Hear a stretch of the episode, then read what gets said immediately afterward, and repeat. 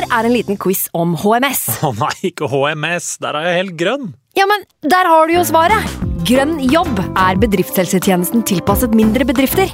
Våre HMS-eksperter hjelper mer enn 8000 bedrifter over hele Norge med alt fra lovpålagte HMS-krav til pålegg fra Arbeidstilsynet.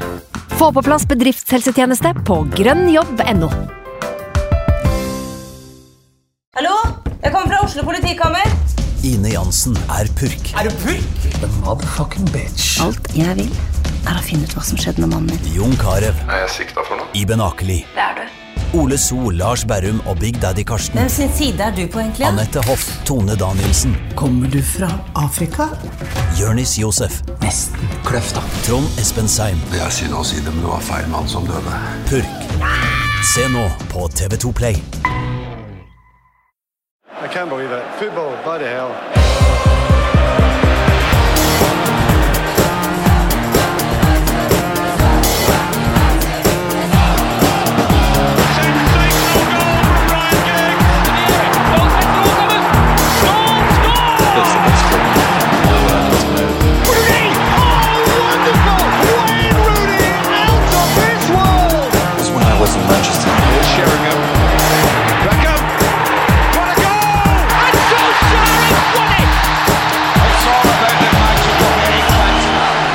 Velkommen til blåmandag. Eh, eller gråmandag, eller den er i hvert fall ikke rød denne mandagen. Det er vel det eneste vi kan være enige om. Dette er United We Podcast. Jeg har med meg Øyvind Eide, sportsdirektør for eh, Norges toppidrettsgymnas. Hallo, Øyvind.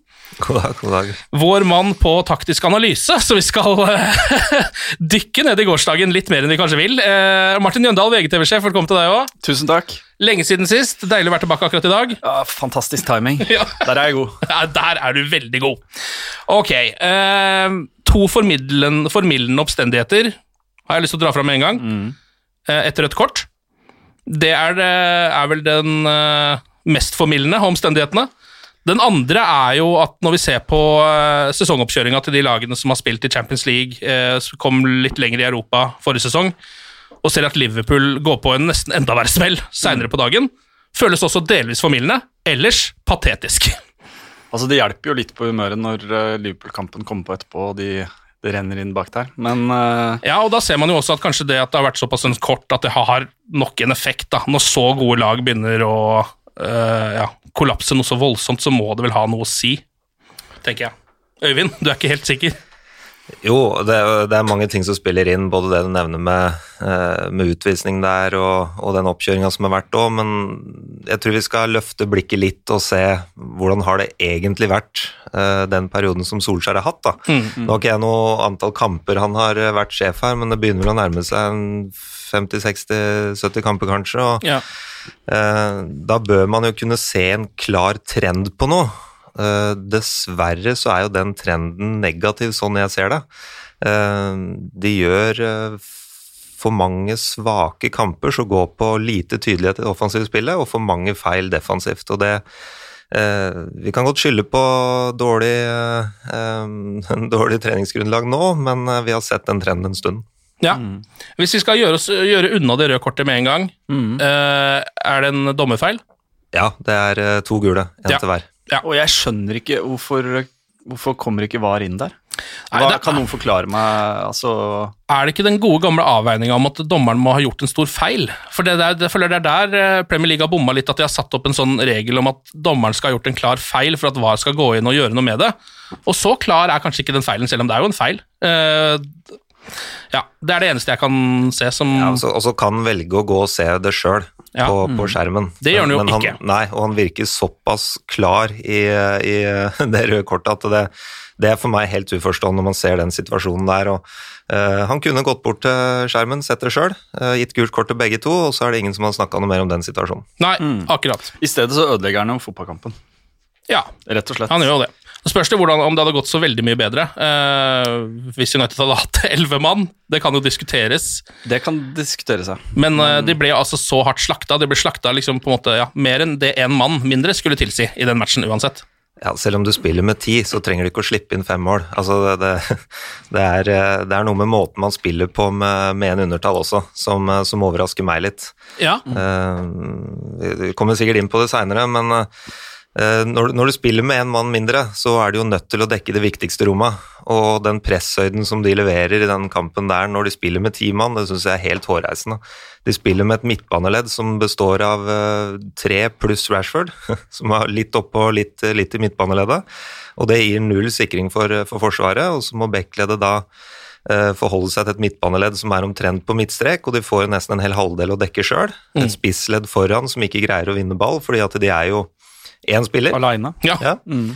Uh, I stedet for å dra hele laget ned og ligge med backledet på buen på 16-meteren, midtbanen bare 6-7 meter foran, og heller ta de få kontringsmulighetene du får, uh, så, så, opptrer de på en helt merkelig måte.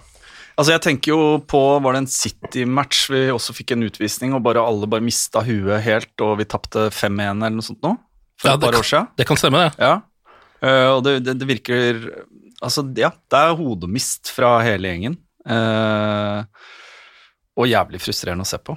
Ja. Um, også, men jeg, jeg bare tilbake litt til, til eh, preseason, da, fordi um, Og det her veit du mer om enn meg, men, uh, Øyvind, men uh, altså hvor mange, hvor mange prosent kan et lag liksom heve seg fra når de møtes etter sommeren og på en måte Ja, de har tatt vare på kroppen, og de, de trener jo, de er profesjonelle spillere, men men uh, fra det nivået der uh, til ok, nå er det et lag i form.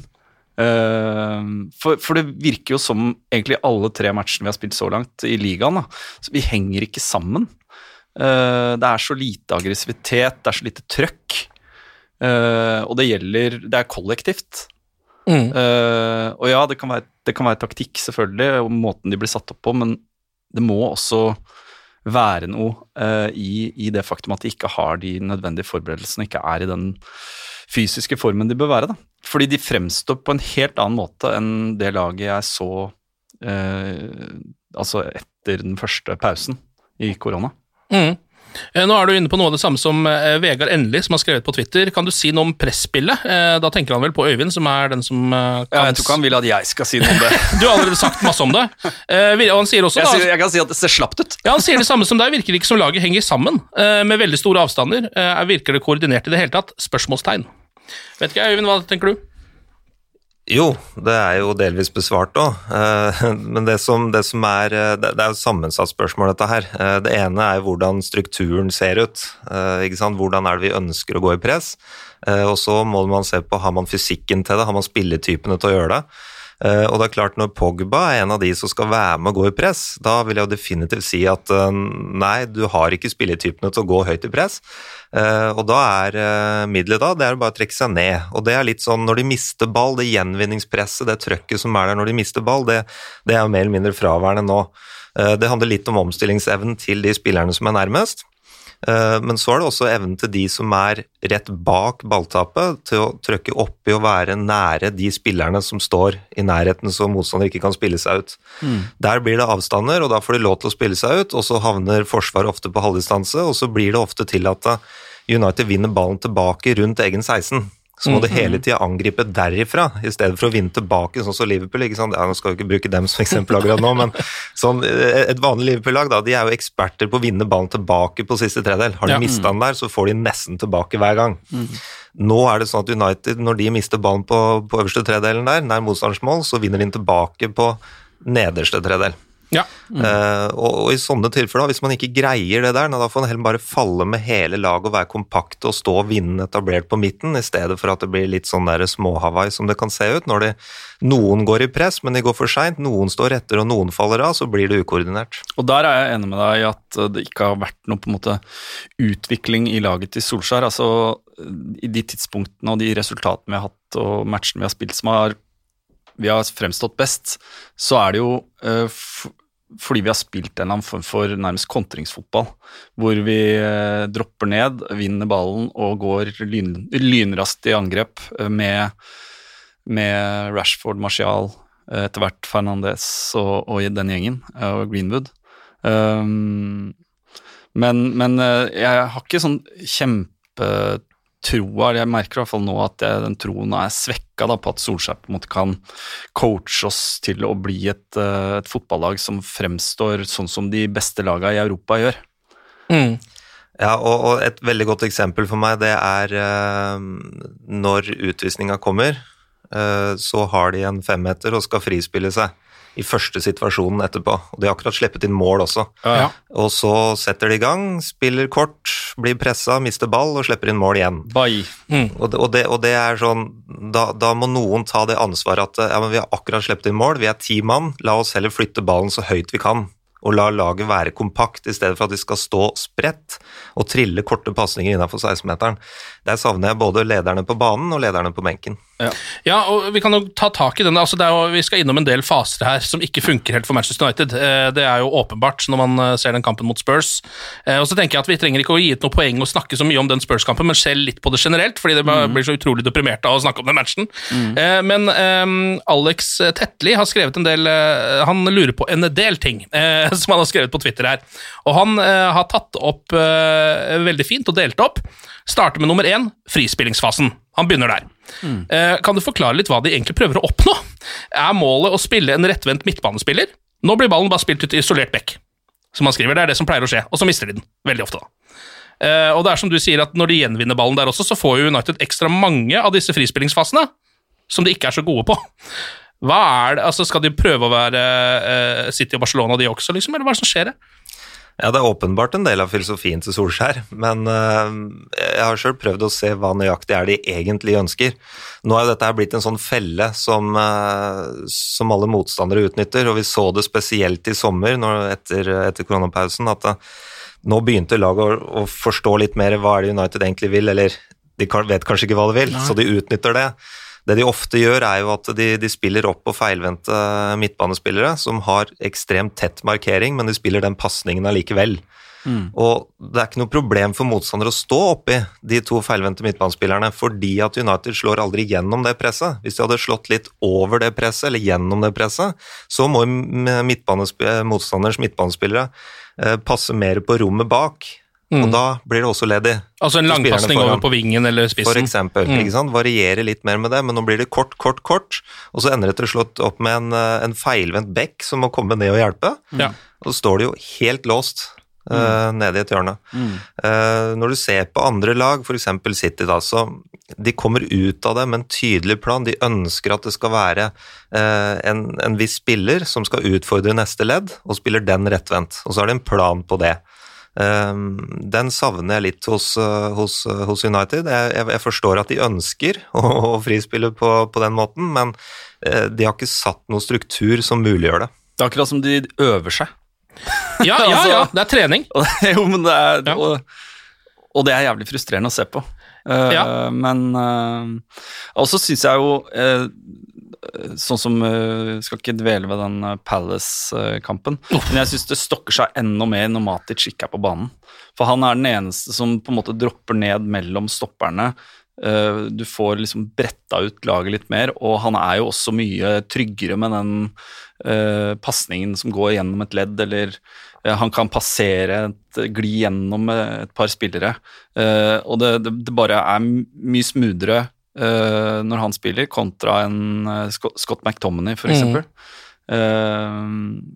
Uh, og ja, jeg vet ikke Jo, men det, det er jo riktig det du sier der, og, og Maters fikk jo mye kjeft uh, rett rundt når Solskjær kom, for da var ikke han i, han i slag, men han spilte seg etter hvert inn, og jeg syns han har vært en av de spillerne som har eh, har vært en av de som har prøvd å ta ansvar, og av og til greid å ta ansvar, og gjort, eh, gjort mye bra.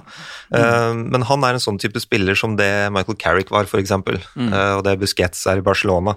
Litt den derre usynlige, men gjør veldig mye viktige ting. Og du ser det, ikke sant, McTominay, Fred og sånne ting, de er ikke i stand til det type spillet, Eh, men det gjør, det gjør Matic. Uh, og ja, han er en som kan, kan droppe ned mellom stopperne, men det er liksom ikke noe plan på det. Det, det er litt sånn hvis han velger å gjøre det. Det, er liksom, det, det kommer ikke noe mer ut av det, og det uh, og, og, og litt sånn tilbake til den coachinga som foregår òg, ikke sant. Hvis de akkurat å slippe dine mål, du har fått en mann utvist, da, da må det tas med styring. Og det, det syns jeg er fraværende, altså. Eh, hvis vi skal følge videre på Alex eh, Tetlis eh, lille analyse her, eh, så kan vi gå videre til eh, La oss si at vi har klart å spille oss fri nå, faktisk. Vi har fått ballen opp til Matic, og den har til og med kommet liksom kanskje ut på vingen. Eh, og da er nummer to gjennombrudd. Hva er planen her? Bekkene slå innlegg, spør han. Ja, det virker det som det kanskje kan være noen ganger. Kanter stå i ro eller trekke seg inn. Midtbanespillere som ikke kommer på dypt beløp. Alltid spiller førstebevegelse? spørsmålstegn. jeg kjenner meg jo igjen i alt det her. Jo, jo, jo. Og det er jo, og det, det tror jeg vi Altså, det er vel noe For å begynne med bekkene, så er vel Solskjær i ferd med å adressere det nå. Uh, ja. Telles fra, fra Porto. Mm. En bekk med mye um, assist, i hvert fall i den portugisiske ligaen. Ja, En mer uh, sånn Beckham-bekk, faktisk. Ja, altså Det er jo åpenbart at uh, hvis du ser på fjorårssesongen, så bidro jo um, både Shaw og uh, Fambisaka med null niks nada offensivt. Sammenlign de med de to bekkene til uh, laget du nevnte tidligere i poden, mm. som jeg ikke orker å referere til. Men uh, de er jo offensive våpen. Ja. Uh, og bekkene våre har jo fram til nå framstått mer som et litt sånn stein i skoen offensivt. ja. Og jeg syns ikke det er så rart at de får så mye plass og mye ball heller, for det er jo ikke så farlig om de gjør det. Så jeg skjønner jo litt at motstanderne kanskje nesten legger litt opp til det noen ganger. Bare la de ha litt plass ut på venstresida. Og så tror jeg jo at både kjøpet av, eh, av Bruno og, og, og uh, sistemann inn fra, fra, Ajax er jo tenkt som spillere som skal gå på de løpa. Uh, det litt merkelige er jo at de Mange kan vel si at de egentlig skal spille i samme rolle. Ja, det er riktig. Men ja, jeg kjenner meg igjen i beskrivelsen. Noe, noe av det største problemet er jo at bekkene får ball for tidlig. Eh, ja. Og Her kan vi trekke tilbake til eh, Nils Arne Eggen. Når han var, han var sjef i Rosenborg, så hadde jo han prinsipp om å vinkle inn og vinkle ut, men du skulle vinkle ut på siste tredjedel. Og United vinkler ut altfor tidlig. Så du får en back som har ballen som ytterste spiller eh, midt på banen, mm. hvor motstander egentlig bare kan legge seg lavt og lede ut. Så mm. står den spilleren aleine, ofte kanskje mot to spillere. Eh, når vi ser eh, igjen City f.eks. angriper, så spiller de gjennom Walker Eh, på siste tredel. Han går på gjennombruddsløp, fordi de har bygd opp spillet som gjør at de får med seg bekken inn i siste fase der, og det samme gjør eh, Liverpool, jeg må nevne de, da. Eh, men altså, de har jo bekker i verdensklasse der, ikke sant, som svinger innlegg, og det er mening bak innlegga. United slår jo nesten ikke innlegg. Mm. Liverpool slår jo masseinnlegg, City slår masseinnlegg. De slo mye innlegg under Fangal, da. Det ja. hjalp ikke så mye. Nei, det gjorde ikke det. Altså, det, det, igjen så Eller var det Mois? Jeg husker ikke. Begge deler. Begge, ja, sorry. Vi, vi, vi, havner jo litt tilbake på hva, hva er planen her, og der tror jeg nok eh, dessverre at det handler mye om å gi ballen til Pogba, gi ballen til Fernandes, og så Make må de andre happen. koble seg på. Ja, ja Er litt mye av liksom Solskjærs filosofi bygd opp rundt individuell genialitet, eller? Altså, Jeg følte jo det var på en måte problemet under Mourinho. At, ja. uh, at det, det, var liksom uh, Ok, solid defensivt fundament, og så må på en måte bare de på topp skape noe, mm. uh, uten noe konkret plan for hvordan de skal gjøre det.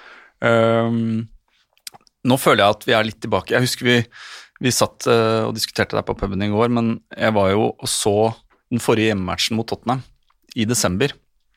Og på det tidspunktet hadde Porcetino fått sparken, uh, og diskusjonen i forkant av kampen var litt sånn Uh, Solskjær, absolutt rett mann for en sånn kult kulturell reboot, og jeg er mer eller mindre 100% enig med de beslutningene han har tatt, uh, kall det når han har hatt på seg sportsdirektørhatten. Mm. Uh, og så er jeg mer i tvil, og var mer i tvil på det tidspunktet, om han hadde evnene som coach på treningsfeltet, evnene som lagleder under match, til å utvikle det offensive spillet til United til å uh, rett og slett ta oss videre sånn spillemessig.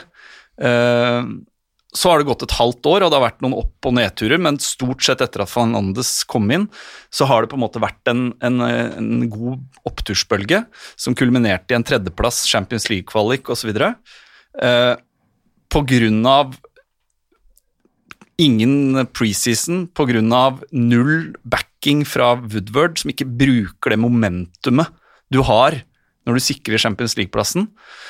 Eh, og kanskje, tilbake til der jeg var for et halvt år siden, kanskje pga. at Solskjær ikke evner å være den coachen i verdensklasse.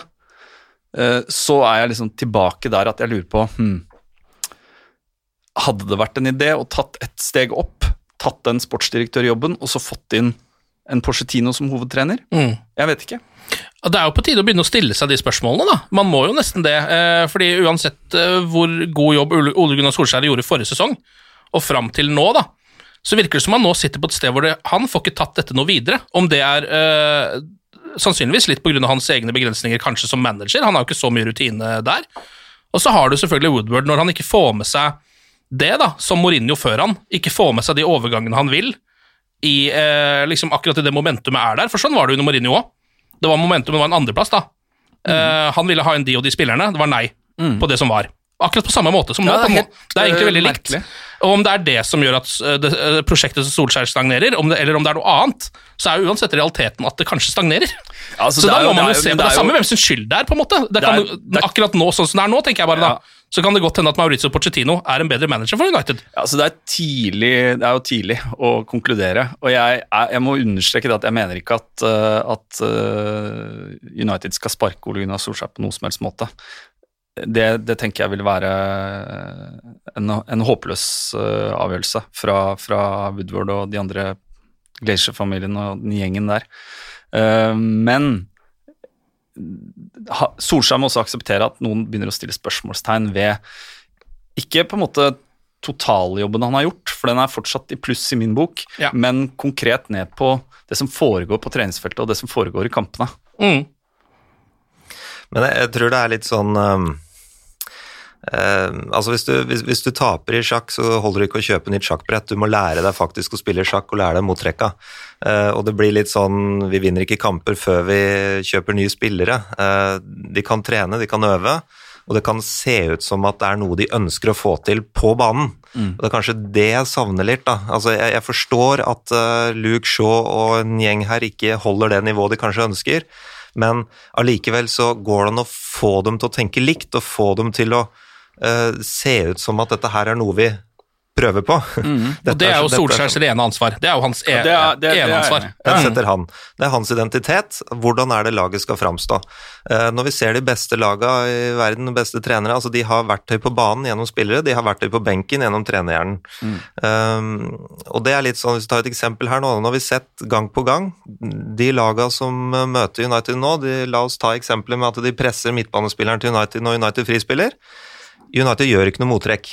Motstandere de trøkker oppi, de har funnet ut at dette her er sånn vi kan håper håpe å si, ta, ta United enkelt. Og så kommer det ikke noe mottrekk mot det fra United sin side, annet enn at de fortsetter bare å gjøre det samme. Det er litt naivt over hele greia. Ja, og det, det blir naivt, og det blir litt planløst, og det, det er kanskje det som skuffer meg mest der. Altså, jeg har full forståelse for at man ikke kan bytte ut en halv stall hvert år, det, det er helt fint, og det er, det er frustrerende å ha spillere som ikke er på det nivået du ønsker, Eh, men allikevel uh, så skulle jeg ønske at jeg så litt mer at uh, dette her er liksom den identiteten vi ønsker å få fram. Mm. Eh, hvis vi ser litt konkret på eh, forsvarsspillet til Manchester United, eh, det var jo utvilsomt hovedproblemet eh, mot Tottenham. United kom, altså En drømmeåpning, og så surres det så hardt bak der at plutselig så ligger man under og har utvisning, og det er liksom ikke måte på. Så er den kampen ferdig, på en måte. Hva tenker du om det, Øyvind? Fordi vi har jo hatt et slags inntrykk at Manchester Uniteds forsvar har vært ganske godt. Eh, Fordi vi har sett på en del statistikk, og der viser det seg at Manchester United har ikke slippet inn så mye mål også i forrige sesong. og sånn da. Men så har veldig mange United-sportere likevel vært sånn Ja, men eh, det der virker som litt falsk statistikk, på en eller annen måte, for jeg ser jo at han der ikke er helt bra nok. Han Midtstopperen der sliter jo, venstrebekken er ikke god. Hva, hva mener du?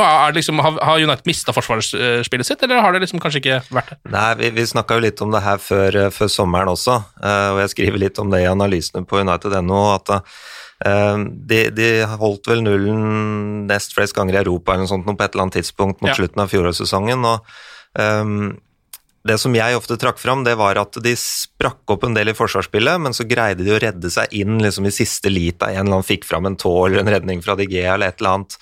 Uh, men, men det var jo overhodet ikke noe forsvarsspill som så solid ut. Uh, så i mitt hus så det, det kunne umulig vare. Eh, og Så ble jeg møtt med en del sånn Ja, men se, de slipper jo ikke inn mål, dette her er jo veldig bra, du kan jo bare kjøpe en spiss, og så vinner serien. Um, men når det gjøres så mange feil, og det, det, det syndes så mye til enkle soneprinsipper over så lang tid, så vil håper å si, flaksen renne ut på et eller annet tidspunkt. Og vi ser jo nå at uh, nå evner de ikke å stå imot, og de slipper jo inn nesten fire i snitt per kamp. Ja, nå, nå, nå er det slutt på flaksen. ja, Noe så Eh, voldsomt òg. Nei, altså, altså Vår leder bak der hadde preseason i fengsel i Hellas, liksom. Altså Ja. øh, Og Du mener det ikke er optimalt? Jeg mener det er litt feil oppkjøring. Eh, nei, men det, det, det virker som de er på en eller annen form for ferie fortsatt, og det gjøres så mye sånn enkle feil. Uh, Ja, men hva med, altså Det er jo en del spillere der som uh, har virka litt friske. La oss ta Donny van de Beek, da. Som har kommet inn eh, og vært ganske frisk de få gangene han har fått spille. Eh, nå er det f.eks. Øystein Rinde lurer på hvorfor man i det hele tatt har kjøpt han inn. Eh, og Det var du inne på litt i stad, Martin. Og hvorfor han ikke får starte nå, når det også går såpass dårlig. Paul Pogba for eksempel, har jo vært helt håpløs. Ja, altså, jeg ville jo vurdert å starte han istedenfor Pogba Ja. i de ligamatchene vi har spilt så langt. Rett og slett fordi Pogba ser ut til å være på en måte ikke up for it som rent fysisk i formen nå. Mm. Uh, altså hvorfor han ikke har starta, jeg vet ikke. Det må Solskjær svare for. Hvorfor Altså, når jeg Det er jo Det er jo uh, Det er jo vanskelige beslutninger. Altså, jeg så ligacupkampen i midtuka. Mm. Tenkte ok, hvis noen skal starte neste match fra det laget her, så er det Bailly ved siden Mm. av Lindløf. eh, og eh, eventuelt Mata Ja. som et alternativ til Greenwood. Så starter Bailly, det er jeg fornøyd med. Mm. Ser for, for lagoppstillinga. Ikke spesielt fornøyd med det. Noen uh, halvveis inn i Nei. første omgang, eller uh, ja, no, Nei. Altså, det er, det er jo helt krise. Ja. Eh, jeg tror Patrick, Patrice Evras sa vel i Sky Sports Studio at eh, hvis det hadde vært lov, eh, ikke hadde vært koronarestriksjoner, så hadde Lindløf vært på fest nå, liksom. For den plassen hans er ganske sikker, Ja. sikkert at han får igjen i neste, neste match. Ja. Eh, jeg, jeg, Men, men Jeg jeg, håper jo at det kommer noen signaler nå, sånn som nå, nå er det jo ny venstrebekk på veien. Mm. At, uh, at Shaw bare vrakes til neste kamp. Ja, Han har fått sjansene sine, ferdig, inn med en ny en. Uh, Pogba òg er litt sånn jeg, jeg forstår ikke helt argumentet for at han ble værende på banen. Eh, når du skal spille med ti mann, og så velger du den som i stor grad løper minst. Og så Ja. kan det godt hende noen viser statistikk at han løper veldig mye, men han løper i hvert fall ikke når han skal. Nei. Eh, det er også viktig. Eh, og få inn på noen som, som vil dette her, og som har lyst til å røske opp litt i motstander forsvar ved å gå på noe løp osv. Det er mye bedre enn å ha en som egentlig ser litt uinteressert ut. Ja, eh, Alex Telles er også så å si klar for United. Han. Eh, 15 millioner euro er det snakk om. Kan øke hvis noen klausuler utløses osv. Så videre. sånn er det jo gjerne. Femårskontrakt. Eh, så det er en Altså, ja. eh, det er ikke så ofte spillere får femårskontrakter, føler jeg, i er det disse ikke fire pluss én? Ja, det er kanskje en opsjon Ja, der. Det kan godt hende. I hvert fall, Han er jo 27 år, da, så sånn Ja. sett så er det greit, det. Han er en voksen spiller med erfaring, har Ja. spilt mange år i Porto nå. og det, så han bør ha, kun, ha noe å bidra med, og han har en knallgod venstrefot. Og når du ser, apropos innlegg, som vi snakka om i stad, han slår ordentlig innlegg Ja. med fart i. Men da holder det ikke at det er én spiller der inne. Nei, for hvem skal møte de? Altså, Martial er ikke noen boksspiller på den måten. Nei, så nå- heldigvis er jo Kavani der. Nå Ja, Kavani, da. Ja. Han får jo sannsynligvis starte de tre neste ligamatchene, i hvert fall, så han har muligheten til å spille seg inn i laget kjapt. Det er faktisk et godt poeng. Nå trenger man jo han noe plutselig sånn helt ekstremt. Ja, ja. Han er 33 år, eh, kom gratis. eh, Der er det også sånn eh, ett år og, ett- og pluss opsjon, tror jeg. Som jo høres fornuftig ut med en sånn så gammel spiller. Da må man liksom gå for sånne type avtaler, tror jeg. Altså, et best case scenario er jo at han øh, spiller enten som starter eller som backup for Martial, Ja. inntil eh, Haaland kan hentes fra Dortmund. Ja, Det er best case scenario.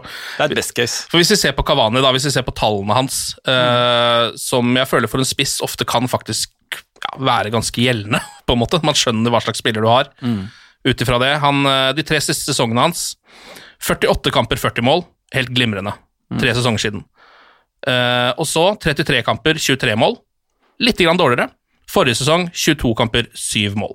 Så det går nedover både med kamper og mål. Eh, som jo henger sammen, selvfølgelig, men ja, eh, han har jo slitt litt med skader òg, har han Ja, ikke det? jo da, og så er han gammel. det. Ja da, og så han spiller jo på et lag hvor det er knallsterk konkurranse om plasser òg. men når det er sagt òg, så, så får du inn en spiller som vil være helt sinnssyk i boksen og kan ta imot en del innlegg og kommer til å lukte scoring. Han kommer til å være der hvor ballen lander ned. Mm. Og det, det trenger man jo også litt. Eh, Men han kommer jo ikke til å bidra så veldig mye i presspillet, f.eks. Så Nei. han og Fernandes der sånn, det, det kommer til å bli så som så, men det er det for så vidt med Martial også. Eh, Så, så det er fortsatt en midtbane der ikke sant, som skal se ut som en firer bak deg, med Rashford på ene kanten, Greenwood på andre. De to er jo de passer jo på å holde sin eh, håper å si, gode avstand inn mot de to sentrale, som ender opp med å måtte dekke veldig mye rom. Og hvis Pogba fortsatt skal være en av de to, så er jeg redd for at det kommer til å sprekke opp ganske mye fortsatt. Ja, Det spørs vel om han kan vel nesten ikke starte med Pogba i neste kamp, føler jeg, når man øh, ser det han har levert i det siste. Altså, det blir, jeg tenker jo at øh, når Solskjær Helt i starten når han kom inn, så spilte han 4-3-3. Ja. Og så en eller annen grunn som jeg ennå ikke har skjønt, så har han på en måte bare bestemt seg for at vi skal spille 4-2-3-1, og det er planen. Um, jeg mener at tidspunktet kunne vært uh, modent for å, for å teste, teste et litt, en litt ny måte å spille på. Ja. Uh, og da får du plutselig muligheten til å kanskje få plass til både van de Beek og Pogba i en uh, hver sin indreløperrolle. Eh, og du må spille Fernandes uh, som et alternativ til Greenwood på høyrekanten, men med muligheten til å ha stor bevegelsesfrihet. Litt som Mata har eh, løst den rollen når han har vært uh, på sitt beste. Men det, Eh, ja. ja, unnskyld. Ehm, jeg må bare bryte inn her, for det er, det er litt det vi snakka om før ferien, Ken. At det jeg egentlig aller helst vil, det er å få disse spissene bort fra kant. Hvis du kan bruke dem som et spisspar i stedet. Enten da med en 4-4-2 diamant bak seg, hvor du kan ha en firerbande sentralt i banen. Eh, og spesielt nå som en knallgod venstreback òg, som kan eh, komme oppover og, og være offensiv derfra. Eller at du også styrker forsvaret ved å spille med tre stoppere, så du spiller 5-3-2. Eh, Da har du en god trio på midtbanen med god konkurranse. Du har et spisspar som kan konsentrere seg om å være spisser. Ja. I stedet for at de må fokusere på å følge motstanders bekker og, Mm. og, og sånne ting. Og så har man jo også da fire å rullere på nå, plutselig. Eh, hvis man tar bort Igalo, til og med med Igalo fem, da, spisser å rullere på, så der er det Ja, større konkurranse inn mot et mye sånn Hva skal jeg si Du, du får et tettere samspill også. eh, så får du den midtbanetrioen som i større grad kan operere som en trio på midten.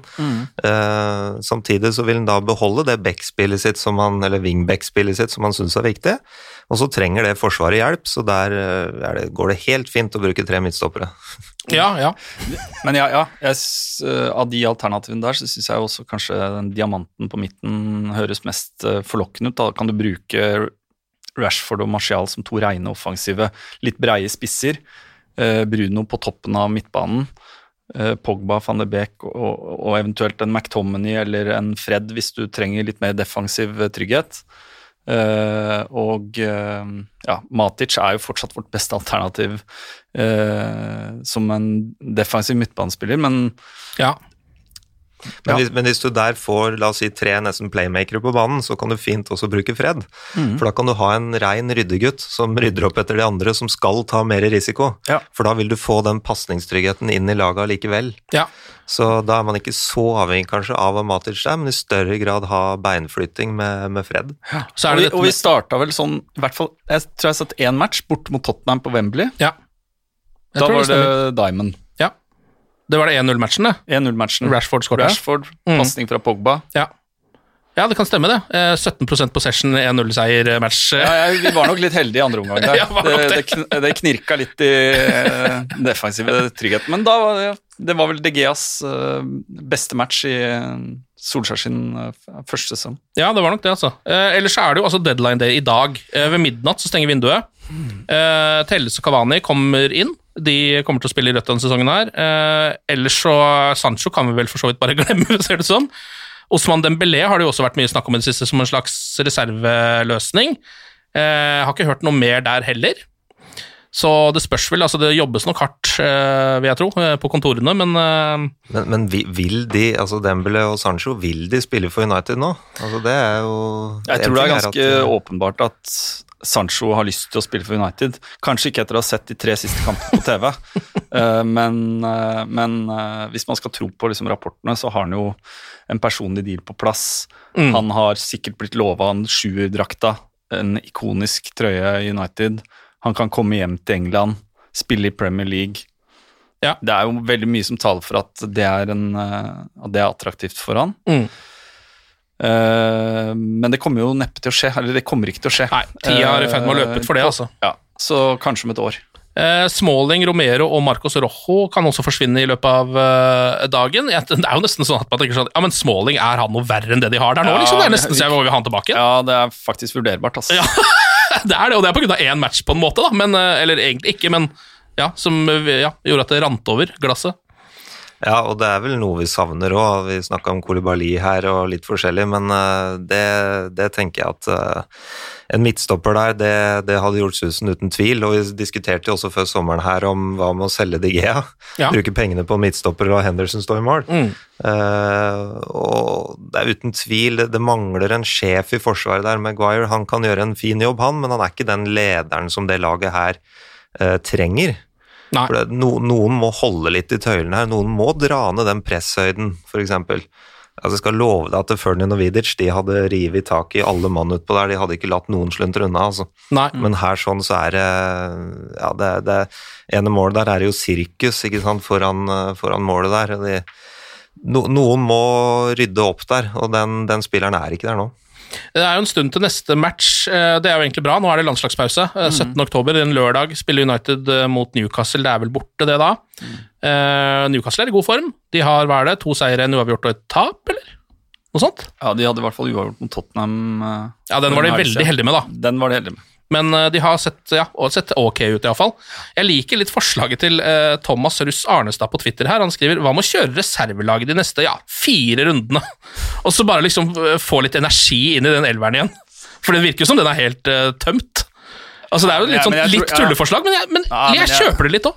Det er jeg ikke enig i, men jeg tenker jo jeg, Vanligvis så hater jeg den landslagspausen som kommer liksom tre kamper inn i sesongen.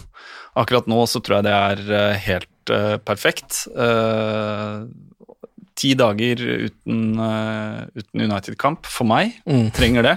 ja, jeg trenger det sjæl. men også muligheten for de spillerne som enten er igjen på, på Carrington, eller flesteparten er jo tatt ut til et landslag. Muligheten til å, å komme litt nærmere noe som ligner på en eller annen form for match-fitness. da. Mm. Uh, og, så, og, så, blir det veldig mye sånn uh, all eyes on nå. Altså Når de kommer tilbake og skal, skal spille mot Newcastle, så blir det mye spenning i lufta. Uh, alle følger med på Solskjær, alle følger med på United. Jeg er veldig spent på hvordan de står i det presset, og ikke minst hva har de valgt å gjøre av taktiske endringer. fordi mm. de, de, kan ikke fortsette med det samme. Og det, er det her Dette er jo testen for Solskjær. Altså, For et halvt år siden, inngangen mot Tottenham-matchen, det var litt sånn som dette. Vi hadde akkurat tapt en kamp, jeg husker ikke mot hvem, jeg lurer på om det var Everton. Responsen var å slå Mourinho på Old Trafford, og så dra til uh, City borte uh, og feie de av banen.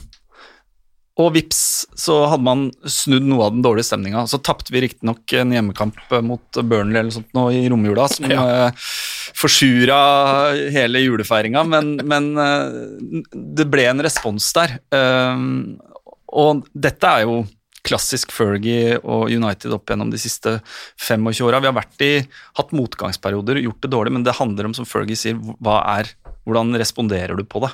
Og så føles kanskje Kall det strukturelle utfordringene og det du snakker om i forhold til liksom, spillestil øh, Det føles som det er veldig mange problemer akkurat nå, ja. og det gjør meg jo ekstra bekymra. Ja, men det er bare det er noe, altså det er nå det var, jeg bare tenker sånn, Da Bruno Fernandes kom inn, da, så var det jo liksom på en måte én spiller på en måte, som gjorde at det løsna opp litt. Og nå er det vel, Jeg vil ikke tro at en ny venstrebekk kanskje gjør det på samme måte som en offensiv midtbanespiller, men det er ikke alltid det skal så mye til da, når man sitter liksom og graver seg ned i gjørma. Så er det noen ganger det skal ganske få ting til, og noen ganger liksom bare en, ja, et par gode opplevelser og litt selvtillit, så er det liksom litt i gang igjen nå, da. Mye av det gruppa trenger også, det er jo frisk energi. Altså bare det å få inn noen nye ansikter ikke sant, som bærer med seg, sett med referanser fra noe annet enn det de akkurat har opplevd. Ja. Eh, det er jo det ene, og det andre er at det blir enda skarpere konkurranse. Eh, og du får inn noen som kan gjøre ting bedre. Altså det, det å spille bedre venstreback enn det Luke Shaw gjør akkurat nå, det skal ikke så forferdelig mye til, og det kommer han eh, nye vennen vår til å, til å klare. Uh, og som du sier da, altså Når han får en venstrefot som kan svinge innlegg fra hele halvdelen omtrent, med en Kavani som kommer til å ligge og true bak bortre stopper hele veien, garantert at det kommer til å skape trøbbel for motstander, for da blir det rom andre steder også. Ja. Så da får Fernandes mer plass. Og det er vel kanskje litt altså det grepet som du snakka om tidligere, når frispillinger ikke funker, så er det jo greit å ha en litt sterk, stor spiss og en fyr med en god venstrefot. Ja, altså, du har noen alternativer. Ja. jeg, jeg håper at Solskjær setter inn på begge de to, eh, bare for å få noe friskt blod på banen og noen nye ting som motstanderen må forholde seg til. Ja. Hvis, hvis de møter opp med samme type lag nå, eller samme lag nå som de, gjør, eh, som de gjorde sist, så kommer Newcastle til å filleris United på akkurat samme måte som de tre foregående kampene hvor motstandere har gjort det. Og det, det kommer han jo 100 sikkert til å gjøre, fordi én Martial er utestengt i tre kamper. Ja. Jeg tror ikke han får omgjort det. Nei. Eh, og eh, noe av det siste som skjedde i matchen i går, var jo når eh, Luke Shaw sparka ned eh, en eh, Tottenham-spiller. Jeg vet ikke om dere så det, men i Nei. bakgrunnen på replayen så så du jo reaksjonen til Solskjær. Uh, og den, den, Ja. det kroppsspråket, det var ganske tydelig. Ja. Uh, så jeg, jeg vil stusse veldig hvis ikke han får sjansen fra start om ti dager bort mot Newcastle. Ja, og så er det jo også nå, det virker jo på en måte helmørkt når man har tapt begge hjemmematchene sine og egentlig sett generelt ganske dritt ut hele på en måte starten av sesongen. da. Men sånn som den eh, Premier League-sesongen her er, så er det jo eh, jeg tror jeg det er ganske lenge til det på en måte er kjørt, hvis du skjønner hva jeg mener. Det er jo ganske Hawaii. eh, Det er jo bare rør. Altså, alle Eh, taper jo. Og det jeg har tenkt på uh, i, i forhold til um, I forhold til det at vi spiller for tomme tribuner. Altså, etter lockdown, når vi kom tilbake i juni, så tenkte jeg med utgangspunktet at ok, dette er fordel United. Fordi nå er det så mye som står på spill. Det er så mye press inn mot den Champions League-plassen. Eh, de kommer uansett til å ha eh, høye skuldre, og da er det greit at det ikke er 40 000 eh, bortsupportere, eller 40 000 supportere fra motstanderlaget, Mm. som på en måte forsterker den, eh, den følelsen. Eller på hjemmebane, Eller på hjemmebane, stressa hvor du Man United-supportere. ja, det er noe av det verre, altså. Eh, nå føles det liksom eh, litt snudd på hodet. Nå spiller vi ikke, men altså det, virker, det virker i hvert fall ikke som spillerne føler noe eh, særlig press, fordi de, de eh, virker mer som de er i preseason fortsatt. Ja. Eh, og motstanderne våre har eh, lave skuldre, alle begynner på scratch, på en måte. Og vi blir feid av banen av både Palace og for så vidt også Bournemouth. Uh, nei, Bournemouth, det er Brighton. Brighton. Mm. Uh, uh, og ja, Tottenham i går. Så mm, Jeg vet ikke. Jeg, jeg tror ikke det er det, det, er nok en ting som ikke slår heldig ut for oss akkurat Ja, nå, da. at de ikke får liksom energien fra Får publikum. ikke noe energi fra publikum, får ikke noe hjelp. Nei. Nei, kanskje det er liksom noe man ja, trenger litt sånn i motgang, så kan det hende det hjelper litt, at det er noen som roper litt på deg. Det er litt trøkk. Ja. Nei, det er sant, det. Um, ok, men da er det altså Newcastle eh, borte på lørdag. Must win for Manchester United. Uh, noe må skje. Det må vi, er vel det eneste vi kan si. Martin og Øyvind, tusen takk for eh, besøket. Og Øyvind sin analyse den ligger på United.no. bare si det. Takk for terapitimen. Det var dagens terapi. Glory, glory.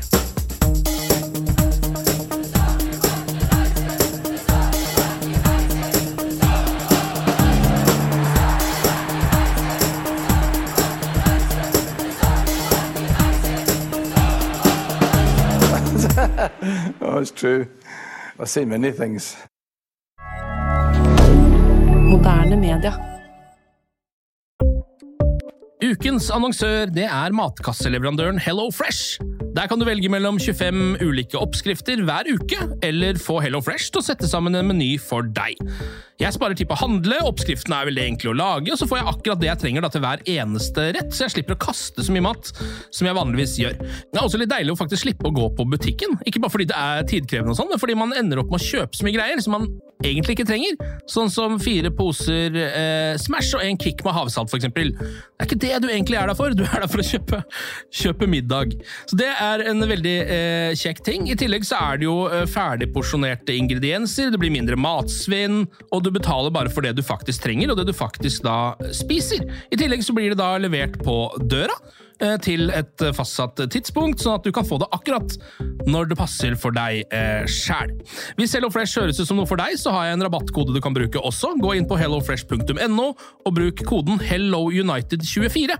HelloUnited i ett ord, også 24, og få opptil 1779 kroner i rabatt på de fem første matkassene dine hvis du ikke har prøvd Hello Fresh ennå. Du kan også bruke koden hvis du tidligere har vært kunde, men har stoppa abonnementet ditt for tolv måneder siden eller mer. Det er ingen bindingstid, og du kan pause eller avslutte abonnementet ditt akkurat når du selv måtte ønske. Husk koden HelloUnited24, og bon appétit! Ukens annonsør er Folio, en smartere banktjeneste for deg som har en egen bedrift eller ønsker å starte for deg selv. Folio er en superenkel nettbank for bedrifter.